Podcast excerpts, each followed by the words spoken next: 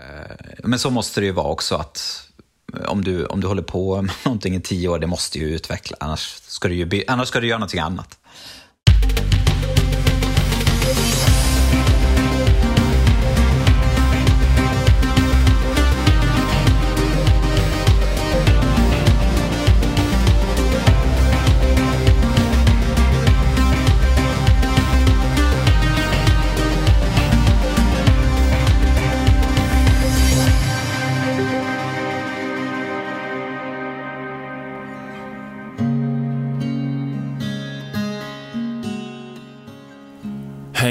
Och välkomna till Ismalatarias podcast. Det är jag som är Ismalataria. Och jag är fortfarande poet, bara så att ni vet. Ni är i alla fall varmt välkomna till det här programmet. Och den här veckan så har jag tänkt att jag ska prata lite grann med en väldigt fin vän. Eh, det är poeten Oskar Hanska som jag ska sätta mig ner tillsammans med och prata lite grann. Oskar Hanska är en eh, estradpoet som har eh, hållit på ja, väldigt många år, ungefär lika länge som, som jag också har hållit på. Han är fantastisk eh, i sitt scenspråk tycker jag. En av de absolut bästa i Sverige. Han uppträtt inte bara i Sverige utan även utomlands på flera ställen och eh, har vunnit flera internationella och svenska framgångar.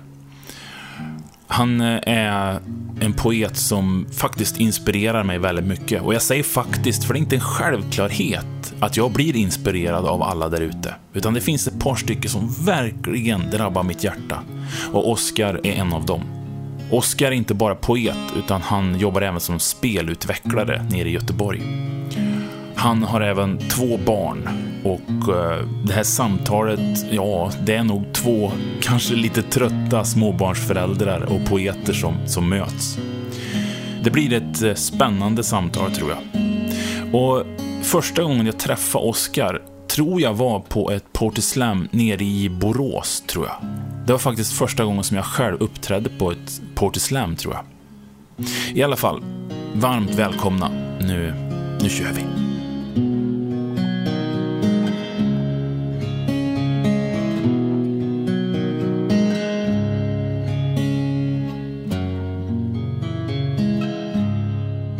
När är egentligen första gången som vi sågs sådär? Jag satt och tänkte på det. Var, var Först... det på, på eh, Borås Open, tror jag? Um, jag vet inte faktiskt om det var på Borås Open. Det var ju så många Borås Open där ett tag. Ja, Den här poesitävlingen. Och det var så stimmigt med alla människor och sådär. Så mitt, mitt första tydliga minne av dig är egentligen från Ja, eh, på den här festivalen som både du och jag uppträdde på en sommar för en herrans massa år sedan. Jag vet inte om det var typ Uddevalla eller eh, någon annan stad. Skärhamn var det, tror jag. Skärhamn? Ja, jag kommer inte ens ihåg. Det var, det var en fin liten festival. Det var vid en sjö och du och jag hade en varsin campingstuga. Ja, just det. Eh, som, så, så, som vi, och så satt vi på verandan på, på kvällen efteråt mm. och snackade massa och det var skithärligt. Och sen, sen gick det åtta år ja, innan vi precis. sågs igen. Eller något sånt där. Ja. Nej, men jag kommer ihåg det, att det var så... Jag blev så glad. Först såg jag din, jag såg din, din föreställning som du gjorde med han pansarvagn eller pansarvagn. Pan, Panzerwagen hette han. Panzerwagen. Ja, men du gjorde den showen i någon grop där på festivalen. Ja, mm. Och du vet, jag hade varit så insnöad i ja, men slam, spoken word-sammanhanget ja. så länge. Så jag hade bara sett det och sett samma folk så länge. Ja. Och så såg jag dig och så fick jag bara en sån här rå, hård klump i magen över att så här, äh, men shit, vem är det här? Vad gör han? Eh, det här är ju, det är så många nivåer över. Liksom. Och du, du var helt fri, du lät inte som någon av spoken word-poeterna lät och du gjorde det till skitbra producerade tracks med en live-DJ. Jag blev bara så här, oj vad långt jag har kvar och vad grym man är. Och sen sen satt vi och snackade och så var det ju såklart trevlig också, din jävel. Eh, nej men du vet, och så satt vi och pratade om det här och att du bara inte kände någon dragning till det här sammanhanget som jag var en sån del av. Och att du gjorde din grej på sidan av och att det funkade hur bra som helst. Och jag blev lite så här... Men jag, jag, oj, jag, ja, jag blev så här, oj. Mm. Eh, det var lite liten ögonöppnare för mig tror jag. Vad glad jag blir. Alltså mm. första minnet jag har av dig, det är ju på Borås Open. Jag är, jag är, till skillnad från dig så har inte jag varit så mycket i, i slam poetry-grejen liksom. Sådär, så mycket genom min, min, min tidiga del liksom, när jag startade upp och, och försökte hitta mitt uttryck och så.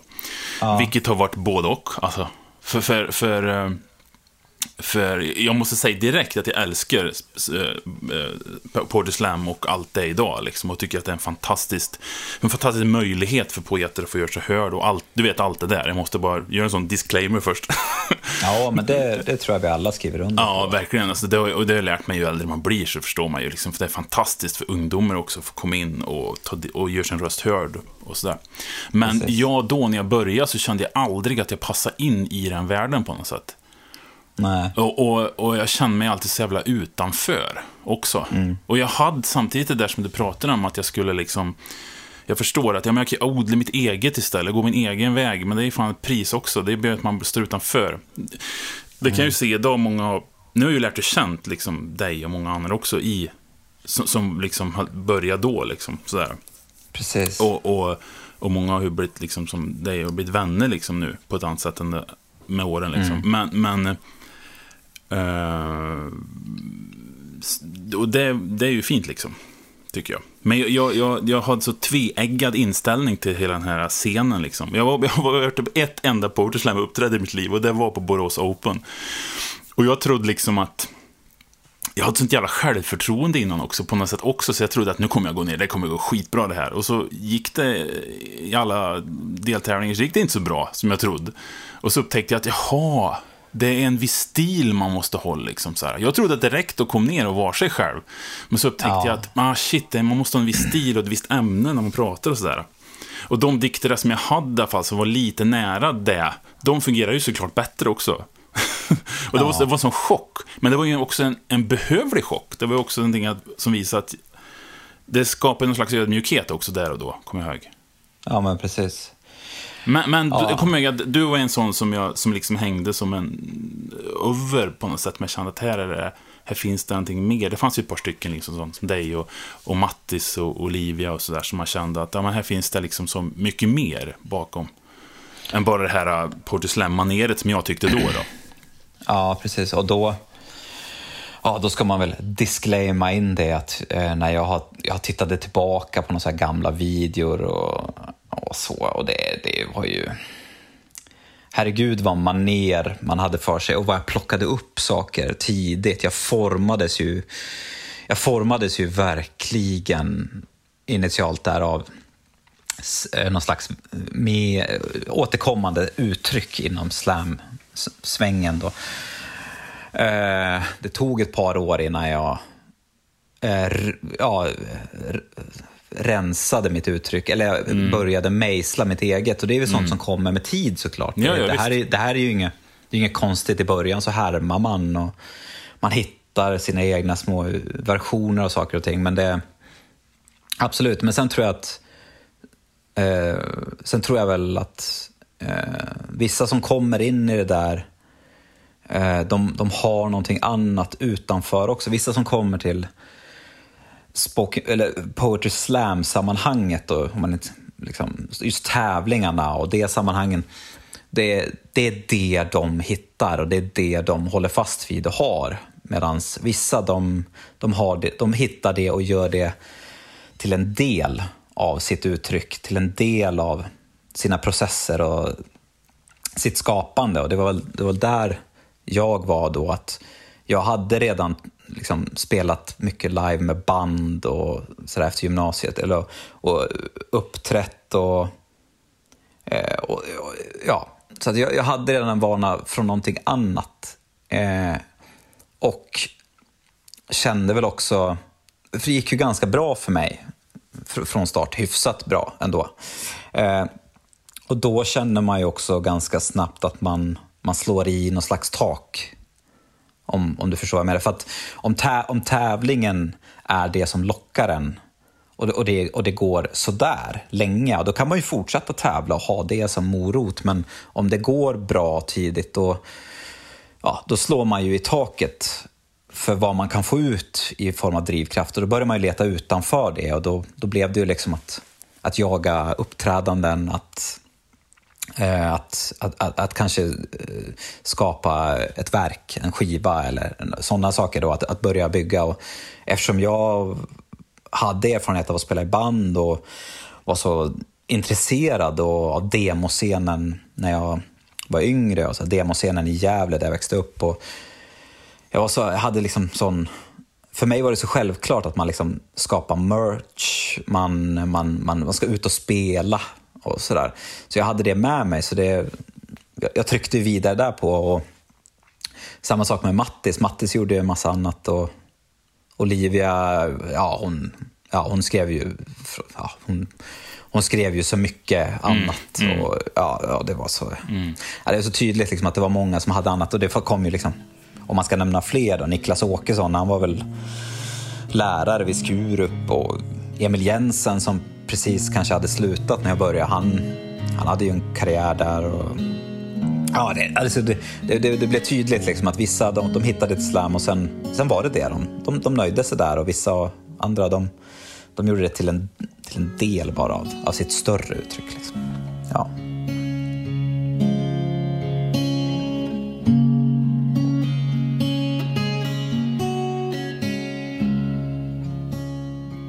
Det, det jag kommer ihåg mest av dig, det var att, att det jag kommer ihåg idag, liksom så här, som jag tydligt minne, det är att du, att du, att du kör barfota, kommer jag ihåg. Ja, eller utan skor i alla fall. Ja, skor, utan skor, utan skor ja. Mm. Ja, fan. Det, det har man ju fått höra. Ja, Nej, men jag, jag, jag, jag blev ju... I början där så fanns det ju en nervositet och en spänning i kroppen som, som kanske slipades bort efter ett tag. Eh, och de här sla den nervositeten och spänn anspänningen tillsammans med faktumet att, att många slamkvällar och Borås Open och så här, de var så odrägligt utdragna och långa. eh, det, det, var ju helt sjukt, liksom, på flera timmar och ingen var intresserad. Det satt ju bara poeter i publiken till slut. Alla gick ju hem. Liksom. De som själva publiken gick ju hem. Mm, mm, ja. Nej, men, och den här utdragenheten och, tillsammans med anspänning gjorde att man liksom, jag, jag, jag svettades ju om fötterna så mycket. Liksom. Så det slutade ju med att jag bara jag tog av mig skorna någon gång och sen blev det som ett skämt. Liksom, att jag, jag, började, jag fortsatte göra det. Och sen började väl folk så här, Åh, är det en grej som du kör? Och, och jag, och jag vet inte, man skapar väl sina små, sina, sin egen liksom lilla humor och sin egen lilla interna, sina interna skämt med sig själv i det här, i det här konstiga sammanhanget med alla knasiga människor. Så jag kände väl att det var ett litet sätt för mig att ha, ha, att ha kul för mig själv och lite grann bryta isen för mig själv när jag gick upp på scen. Och, och sådär att bara, nu tar jag av mig skorna och, och skämta lite. Ja, du vet, mm. det blev en grej liksom. Men det, ja ja. Man får sina, men det är så, det, och som du sa också textmässigt, vi har ju bägge två liksom förändrats, tack och lov. Liksom. Man fortsätter ja. göra det, att man, att man lär sig nya skills ja. liksom, och, och, och hittar nya vägar att gå. Sådär, med ja, men, ja, men absolut. Det, men så måste det ju vara också, att om du, om du håller på med någonting i tio år, det måste ju utveckla, annars, ja, ska, du ju bli, tycker, annars ska du göra någonting annat. Ja, men jag tycker också att Porter Slam-scenen har utvecklats och blivit mer mogen överlag, tycker jag. Sådär. Det känns som att eh, överlag så eh, är folk mer medvetna om hur de ska göra och texter och sådär. Och det är inte lika fladdrigt och sladdrigt som det var förr. Ja, men ab absolut. Det, ett tag, eh, eftersom jag har hållit på så länge, så kändes det ett tag som att eh, uppträdanden och texter kanske inte utvecklades samtidigt som deltagar, deltagarna bara blev yngre och yngre och yngre. Men sen kanske det ändå känns som att det har vänt och att även om det, det har blivit yngre och det är, det är yngre så har text, textskrivandet har utvecklats och insteget har blivit högre. Lite grann. och det, det har väl bara att göra med att folk har mer på fötterna, de har tittat mer, internet har gjort dikter på video tillgängligt så att när folk kommer till ett poetry slam då har de kunnat titta på dokumenterad, dokumenterad spoken word sen tidigare och lärt sig att skriva på en högre nivå första gången de kommer. Och det är ju jätteskönt, för att ja, Ja. ja, det gör det till hela, hela mer njutningsfullt. Men det, man saknar ju de här...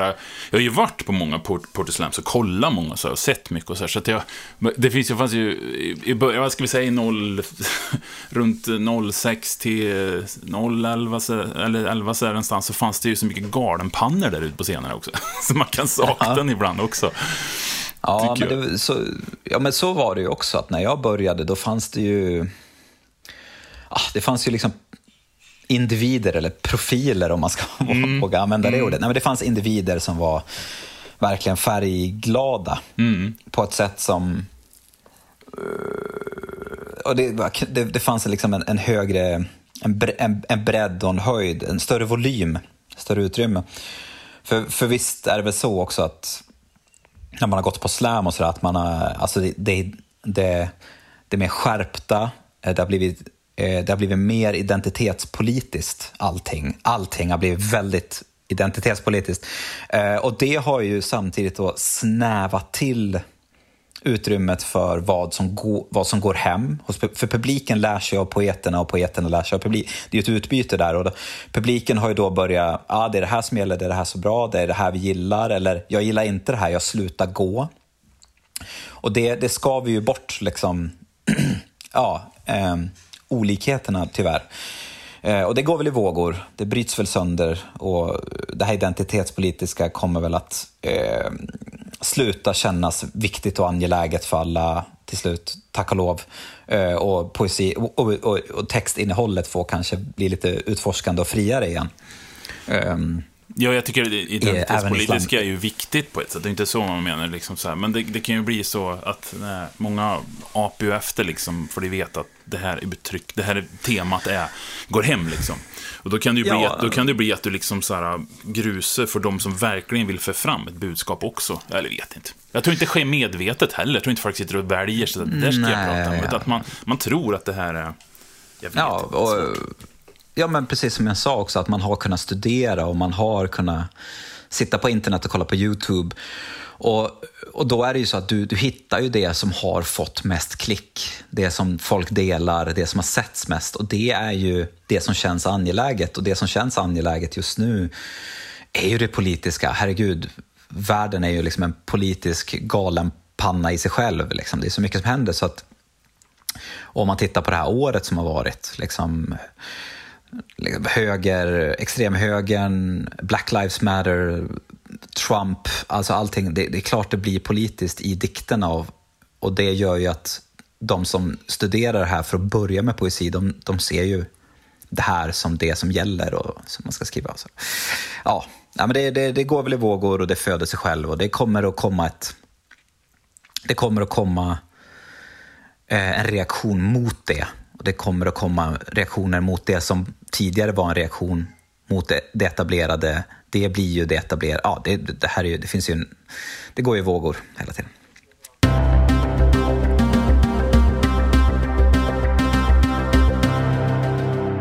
Men, men mitt i allt det här, känner du att det är lika roligt fortfarande? att uppträda? Ja, liksom. Eh, eller, ja att, att, att, stå där i brinnande stund och uppträda, det är ju fortfarande liksom... För det, det kan vara härligt alltså. Men all, allt runt omkring. Eh, att skriva, att, att, att repa, att, att förbereda sig att ordna administrativt runt själva uppträdandet, eh, boka resor, allt sånt känns ju tråkigare och tråkigare. Måste jag tyvärr säga. Nu är jag inte fulltidsfrilansare så jag går inte upp i det på samma sätt. Um, så att därför känns det som att det kanske tar mer energi eh, än vad det här gör för någon som är fulltidsfrilansare och har liksom bokningsgrejer och sånt i system och bara, det bara rullar på och fakturera och sådär. Men, eh, nej, men absolut, att uppträda. Men sen känns det också som att eh, krav, kravet på mig själv, att det jag ska uppträda med, jag höjer mina egna krav, det måste kännas angeläget och det blir svårare och svårare för mig att känna mig angelägen just nu kanske för att jag är inne i en sån otrolig småbarnsbubbla. Eh, och samtidigt vill jag absolut inte skriva om corona. Eh, och, sådär. och då, då blir det liksom, ah, men jag kanske inte ska skriva just nu. Nej, för... för att, för att det, det, jag är så upptagen av allt det här. Jag känner igen mig i det där. För, för just det här med barn också, som jag är uppe i själv. Liksom det, det, man vill, det finns två saker som man inte vill skriva om. Det, det är corona och barn. Ja. vill man, inte, man vill inte förpesta luften för andra med sitt småbarnsliv. Vilket för mig är fantastiskt, men jag kan inte berätta vad fantastiskt alltså, förstår Nej, det, Utan det är någonting jag bara får leva i själv. Jag vill inte dela nej, allt för mycket. Nej, men precis. Och, och samtidigt tror jag inte att man skriver, alltså det, det, kommer ju att komma fantastiskt bra material ur ditt faderskap och ur mitt faderskap. Det kommer det göra, men kanske inte just nu när man är mitt i det och upptäcker nya saker från vecka till vecka eller månad till månad. Och alltså att, att reflektera i realtid slutar ju ofta i ganska banala analyser och ja. metaforer och bilder och föreställningar. Men jag, jag, jag upptäckte en sak, en tanke slog mig igår som var så himla skön att få. Det var så här att jag tror inte att jag skulle kunna ha, höll, ha, ha hållit som poet om inte jag skaffar barn. Jag tror inte med längden. Jag tror inte att jag kommer kunna ha hett nog med inspiration för att kunna fortsätta skriva relevanta saker. Om inte jag, nu, nu säger inte jag att det här, absolut inte att det här är laget, det är så här det är, för det finns jättemånga där som kan skriva hur bra som helst utav barn, det säger inte alls. Men för mig personligen så tror jag att jag måste ha den här nivån i livet nu för att kunna skärp mig och inse, inte bara med barn, alltså skriva om, om barn, vad viktigt det är, utan jag menar vad, viktigt, vad saker i livet som är viktigt på något sätt. Jag kan känna det verkligen nu. Men jag, jag håller nog med. Alltså det, jag känner ju sen jag fick första barnet, av Nilas, att bara där fick jag en blev jag lite, hu, lite mer hudlös. Jag fick en, jag fick en ömmare blick, en, ett, ett, ett skörare angrepp på världen. Eh, vilket också gör, mig, gör en mer känslig, mer... Man uppfattar saker på ett nytt sätt. Man, man värderar om.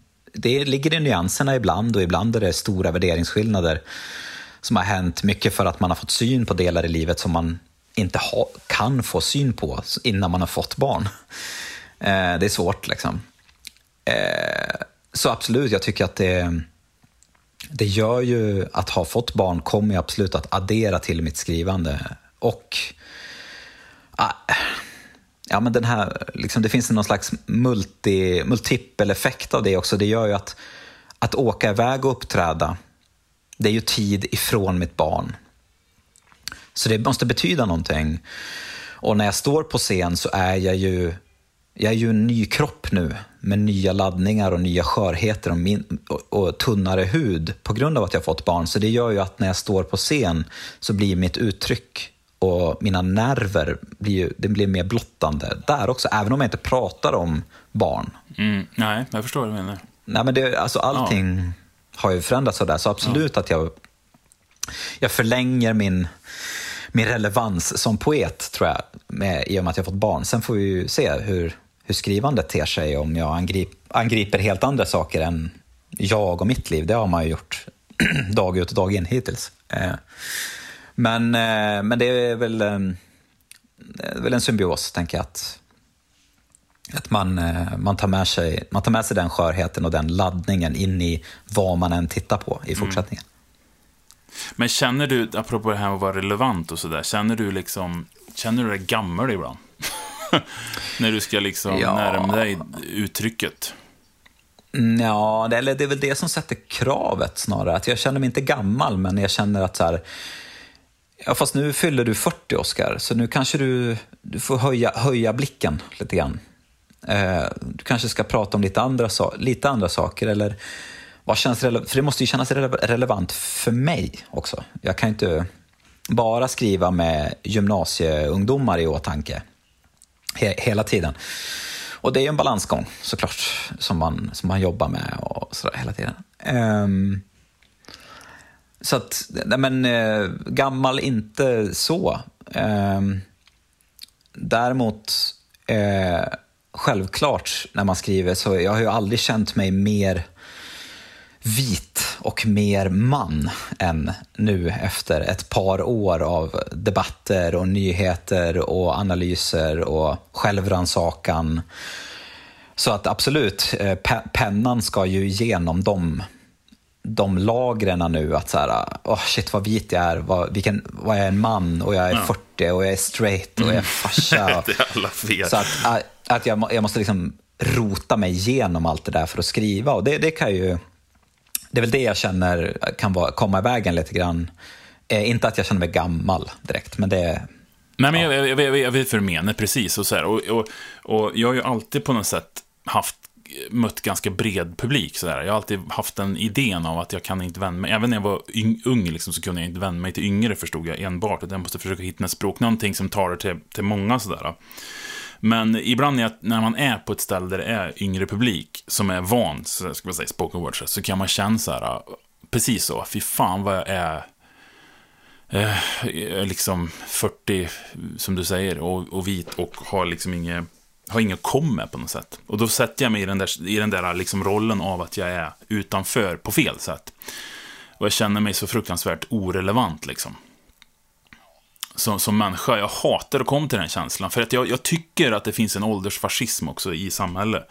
För jag känner ju nu, nu är jag, nu är jag hungrig, nu är jag liksom så här, nu är jag kom upp, nu förstår jag liksom så här, nu förstår jag, nu kan jag se tillbaka på mina gamla böcker och se texter, att fan vad dåligt skrivet det här är. För nu förstår jag någonstans, efter alla timmar på scen, att jag vet vad som, hur jag vill skriva, vad jag vill säga och hur jag ska göra det. För då ska inte jag få göra det för att jag har blivit 40. Ska inte jag få liksom så här, vara, jag är fan, har mer chans att vara relevant nu än då, känner jag det är lite grann så där kan jag känna att uh, i Sverige finns det en, och speciellt i, i, i, i våra liksom säga, västvärldssamhällen så finns det en idé, det finns en sån här, det spelar ingen roll vad du gör, bara du är ung när du gör det. Mm. Så upplever jag liksom. Ja, men precis. Och det är ju...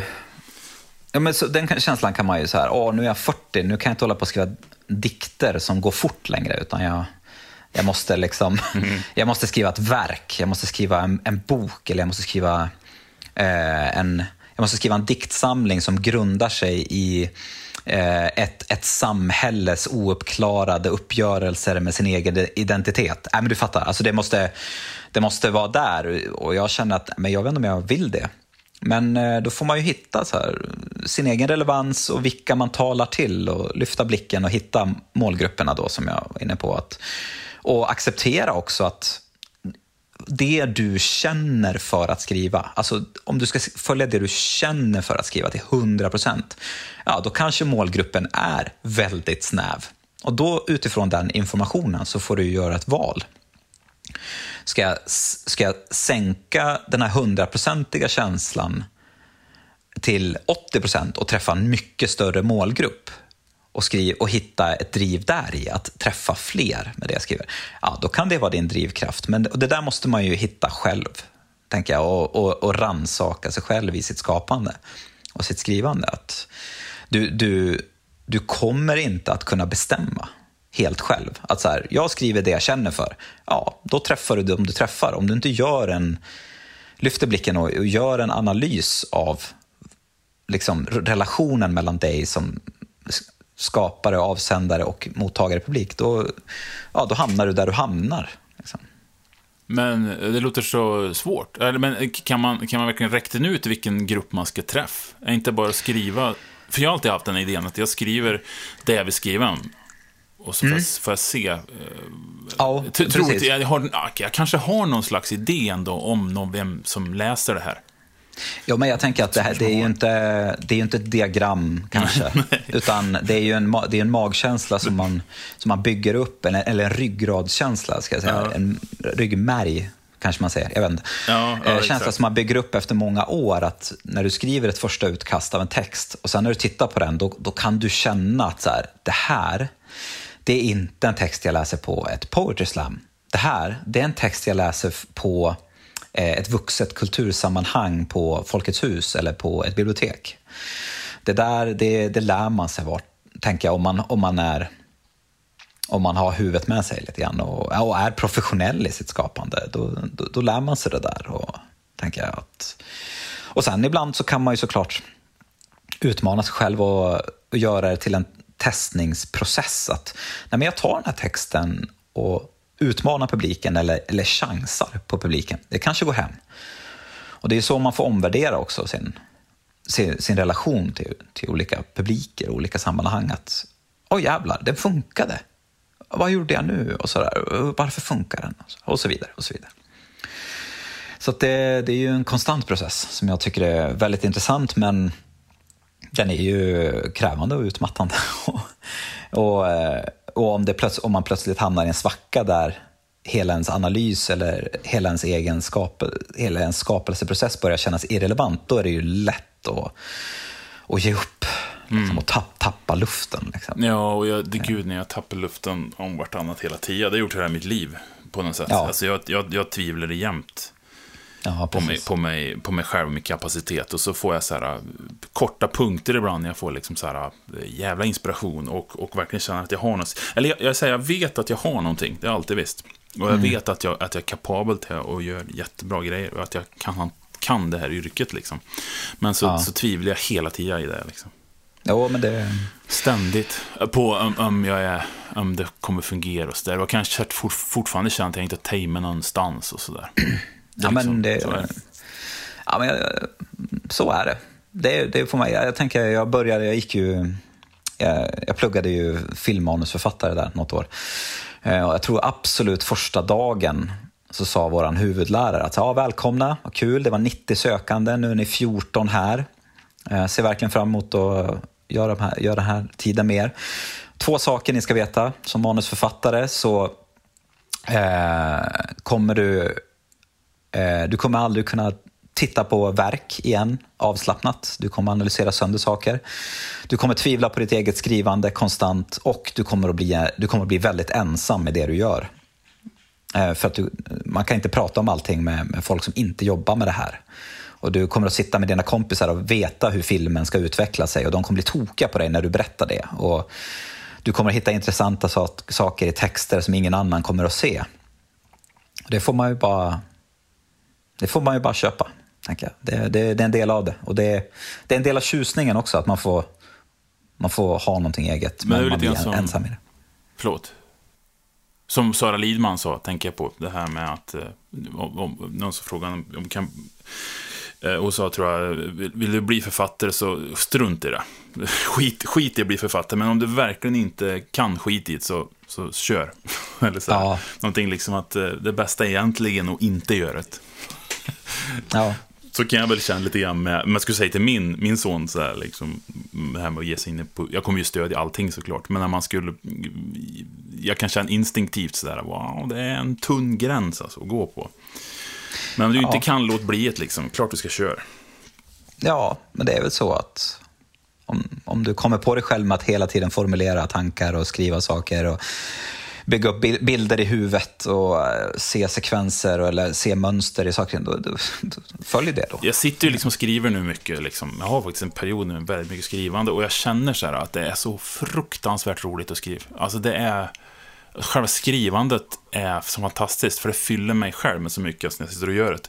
Och så länge jag har den känslan, Ja. Eh, förr, förr hade jag en idé om att ja, men så länge det är roligt att uppträda, så länge det är roligt med publik så ska jag fortsätta. Men nu, nu vet jag att, nej, så länge jag vet att det är kul att sitta hem och skriva och att jag själv får komma till en annan värld med hjälp av mina texter. Och, och inte ens ha en tanke på att någon ska läsa det sen. Så länge det är kul, då kommer jag fortsätta. Vad, vad härligt det låter. Det var länge sedan jag, var länge sedan jag kände så. Jag har skrivit väldigt så syftesinriktat och eh, väldigt så tydligt mål med saker och ting genom mitt, eh, min spelanställning och så. Det har varit mycket skrivande mot ett syfte. Liksom, och, Jo, jag, men, man har väl ett eh, syfte sådär någonstans, liksom, såklart att man har jo. en idé om vad man ska göra. Men, men just att när jag, när jag sitter och gör det ändå, att det liksom är, för ibland skriver jag kröniker och då är det ju oftast bara liksom, bara liksom att det här ska bli, det här ska ut i en tidning. Och det måste vara slagkraftigt och det måste se ut så här och så här. Och då, det blir ju roligt, men inte lika roligt. Som det här utforskandet, det här liksom, nu ska jag ut på tunn is och se, fan får se vart det här går liksom. Det kanske blir skit. Ja, men det är, det är alltid något, alltså att skriva skit är att skriva. Och man lär sig av allt skrivande om man, om man är närvarande i sitt skrivande. Då tänker jag att allt skrivande ger dig något om du tar med, tar med dig misstagen bara.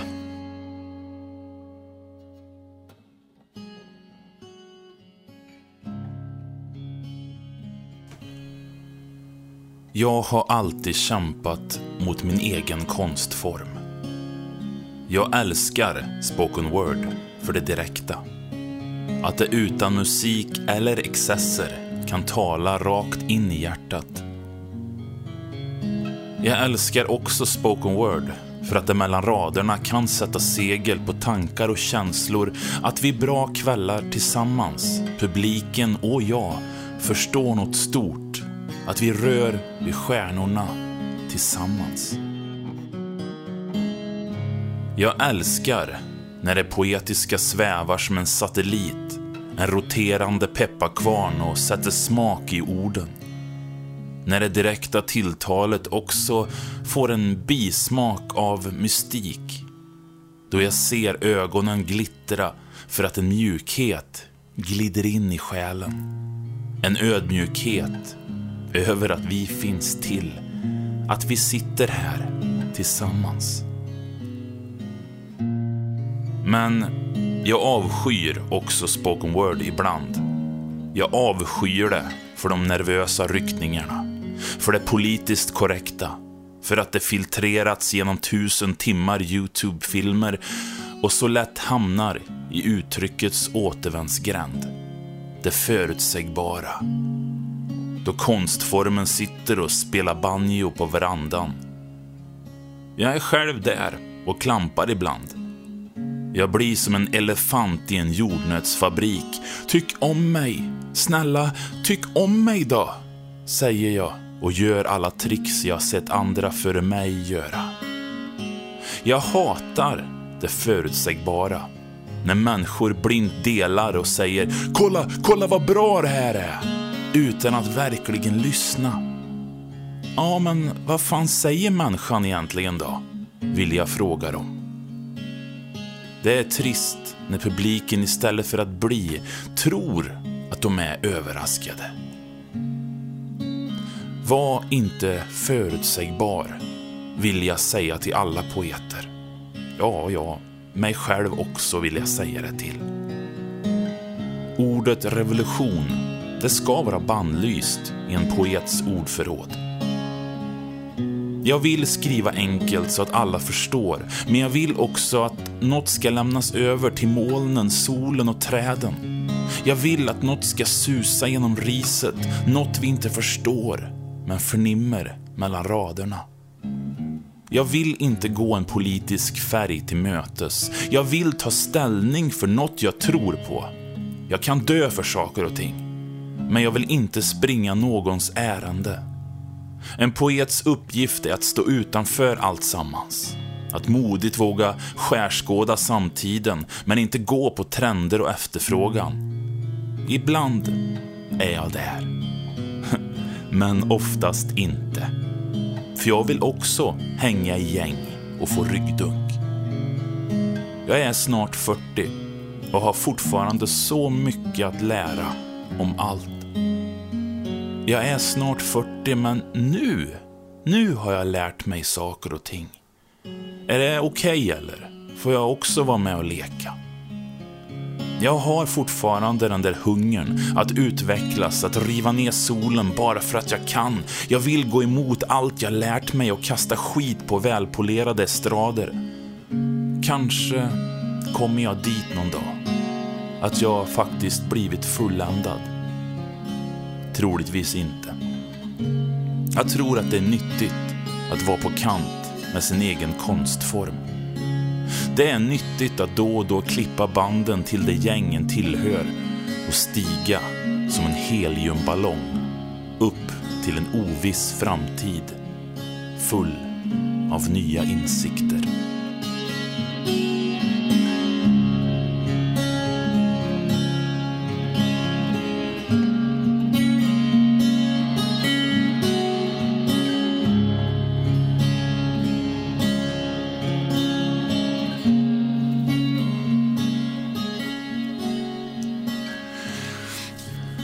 Men när jag, när jag slog mig med, med dig tidigt också som gjorde att jag, att jag liksom klickade med dig kan jag känna också och, och ett par andra i det här Porter Slam-gänget som fanns där runt mitten på 00 så var det ju liksom att jag hade alltid dragits till människor som är, är snälla.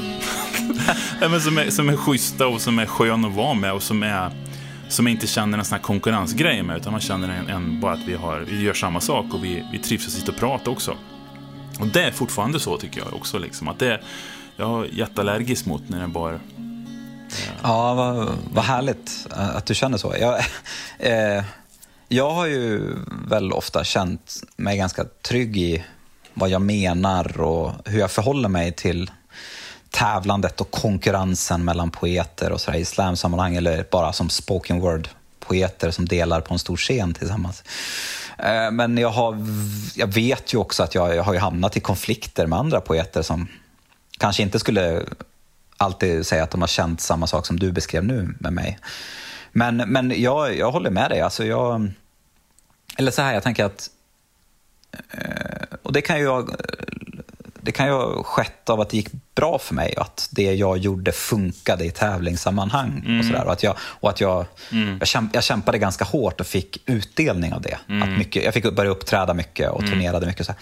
Och det gör ju att man kan, ja om man vill då, bli eh, givmild på ett sätt och mm. att man kan bli inbjudande och att man kan vara så här, ja men här, kom, eller du, ta mm. det här gigget. Jag, jag, tror inte att du kommer att konkurrera ut mig, det är inte en sån situation, utan vi delar på det här för mm. att vi känner oss trygga med varandra och mm. eh, ja, hela den processen. Eh, jag tror att det, det är någonting man kan jobba... Antingen har man det, att man är bara en genuint ödmjuk och snäll och delande person. Det är inte alltid jag kan jag känna. Men Nej. däremot så kan man jobba sig till en plats av trygghet. Tänker Exakt, att man, man känner sig trygg. Att man, att man är trygg i, i sig. I sig. Och det, det, är liksom, det gör ja. ju sån skillnad tycker jag.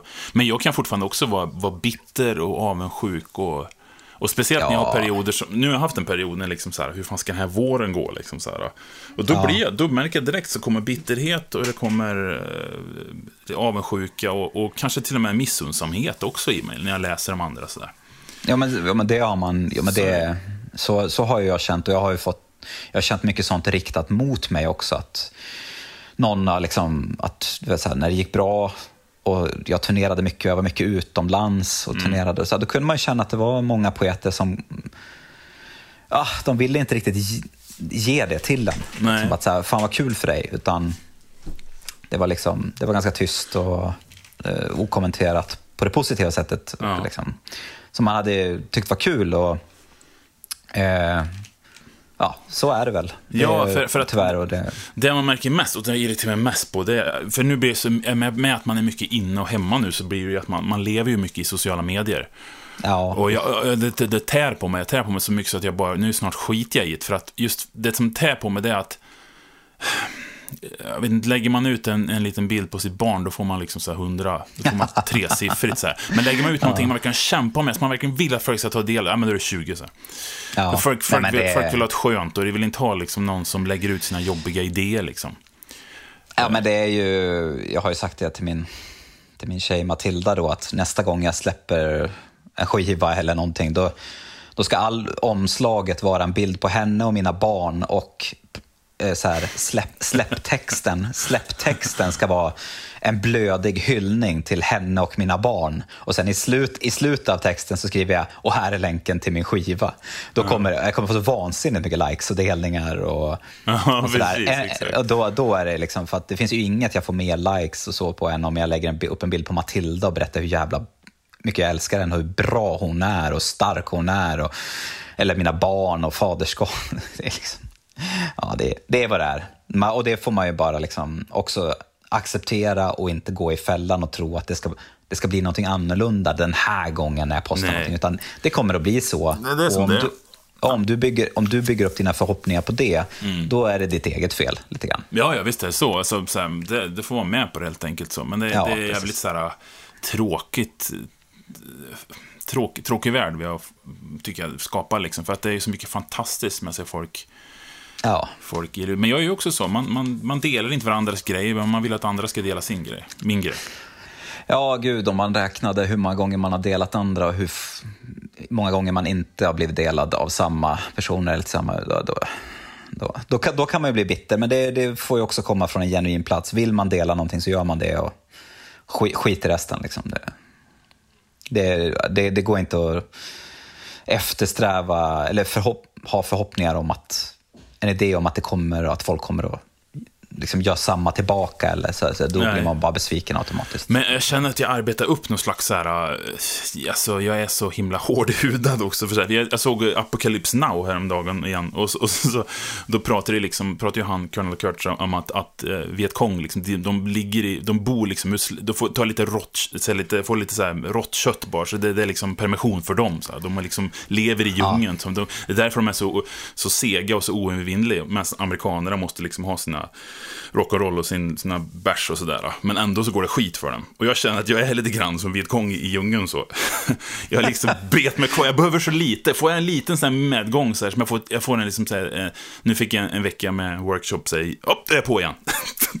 då är det full ja. fart igen, då har jag fått inspiration nog liksom för att kunna orka mer. Så, här. så jag behöver så lite stimuli för att orka gå runt energimässigt ja. med det jag gör. Ja, det, och det går ju vågor det där. Man kan ju bli mätt på stimuli också såklart. Så att, ja, ja, visst, eh, absolut. Man kommer till en plats där det trillar in någonting som är, mm. eller man gör någonting som är jätteimponerande eller mm. värt all möjlig uppmärksamhet. Ja och man får det och man rycker på axlarna och man, in, man uppskattar det inte alls såklart. Det Nej, men så, också... så säger jag att, som i, eh, säga, ja, jag har haft perioder liksom med jättebra gig och, och mycket gig och, liksom så här, och, och mycket uppmärksamhet och sen så får jag en period när det inte är så mycket och då jag ser alltid tillbaka och tänker, varför njöt jag inte mer av när, jag, när det gick så? Varför, varför så här, Ja, nej, precis. Utan det är alltid här och nu, liksom. Ständigt här och nu. Ja, verkligen. Det, Ja, nej, det, ja, det här med att ha när, närvaro, sinnesnärvaro, ja, det, ja, det är ju en struggle. det är svårt. Och Det, ja. Nej, men det kommer och går och det, ja, vi får se. Det, jag är, ganska, jag är ganska lugn nu också nu, trygg, för jag är så upptagen med barnen, men vad mitt liksom, vad nästa skrivande ska bli. Blir det spoken word-dikter eller blir det någonting annat? Och just, nu, just nu sitter jag på kvällarna och jag bygger väldigt mycket spel, alltså spelutvecklar själv och sådär. Lär mig programmera lite grann. Och, eh, jag har ju jobbat med spel länge, men jag lär mig delarna som jag inte har kunnat tidigare och det är väldigt, väldigt, väldigt givande. Så och det är ju det är ett sorts berättande i spel, eller det är ett starkt berättande skulle jag vilja säga. Annars hade jag inte jobbat med det så länge som jag gjort. Eh, så jag är väldigt fascinerad och där känner jag väl snarare den här harmonin och det här suget. Att fan jag tycker om att sitta här och lösa den här programmeringssvårigheten och bygga den här eh, den här eh, leveln då, eller banan. Liksom, för att, vilken, och vilken härlig känsla jag berättar här när jag, när jag klättrar upp och går genom det här valvet med min lilla karaktär. Liksom det, ja, det, vi får se vart det barkar, men just nu så njuter jag lite grann av att känna en slags harmoni i småbarnsbubblan och inte ha något krav på mig själv över att behöva skapa saker på det sättet. Liksom. Nej, man skapar ju någonting helt annat där också. Ja, jag tänker att man lagrar saker i kroppen. Alltså jag ja. lagrar känslor, erfarenheter, blickar, bilder och sånt. Och det, det kommer man ha med sig sen som en liten liten rikedom, eller en verktygslåda. Ja, en jävla verktygslåda. Det fanns en jävla tröttsam liknelse. Eller, eller typ, ja. vad, är det, vad, är det, vad säger man med? Ett par, ett par nya glasögon. Ja, precis. Som man kan använda och se på livet med. Men, ja. men eh, vad är liksom... Vad är nästa steg, känner du, för dig, liksom, rent text och skrivande? Ja, har, har du någon plan liksom, på vad du vill? Ja, det finns ju lite, det finns lite liggande påstartande, puttrande projekt. Och det är över brädet så är det generellt större åtaganden i, i skrivandet. Det är, det är mer textmassa, det är, det är ett större berättande, det är mer fiktion. Eh, så kan man väl säga. Eh, och jag skulle vilja kanske ta mig an saker utanför min comfort zone, alltså riskera lite grann, skriva någonting på spekulation som jag inte har brytt mig om tidigare. Att skriva och skicka in liksom någonting gediget mot ett förlag eller, inte vet jag, pitcha en tv-serie. Nej, jag vet inte, men jag skulle vilja ta, ta, jag skulle vilja ta, den, ta det steget någon gång. Och inte för att jag måste så. Jag menar, jag, jag har mitt på det torra så, men just för skapandeprocessen. Eller så eh, hittar jag tillbaks till Eh, landar jag tillbaks igen i någon slags skrivande för spoken word som känns hyperrelevant och vassare än någonsin. Och då blir det det och det, det känns också kul. Det, det får vi se lite grann. Mm. Ja, du då? Vad är det du sitter och skriver på? Som känns så härligt och kul. Nej, just nu är det, är det ett nytt manus som jag höll på med i typ tre år nu, tänker jag. Från och till. Men, men nu, nu, och det är så jävla litet också. Det är så avskalat. Det är liksom så långt bort ifrån spoken word som vi kommer överhuvudtaget. Eh, Kul. Sådär. Så det är, det är som en roman, fast i poesiform kan man säga. Ja, men vad härligt. Och framförallt att du känner sån pepp efter att ha jobbat med det i tre år. Det är ju... Ja, jag, jag, Och där, alltså, det, det är lite agnarna från vetet stämning. Jag- eller stämpel på det. tviv, såklart. jag tvivlar på att i ett halvår ungefär och gjorde ju annat och sådär. Och, Ja. och, men så, så, så liksom, ibland, som, ibland när man skriver någonting, du vet ju hur det är, du, du måste få ligga ner en lång tid så att du får liksom så här, ta upp det och sen så här, just det, det måste till ja. Och, och så där. Det var så kallt och hårt ett tag så att, så att jag var tvungen att få in lite värme i det. Var det som var grejen just nu. Sådär. Så att det, det är mycket mer, jag vill bli mer naket liksom. Ja. Jag tjatar jämt i mina skrivarkurser det här med att man ska skriva, liksom, att man ska eh, inte använda så mycket värdeord, liksom, utan att man ska, som de säger på show don't tell. Liksom.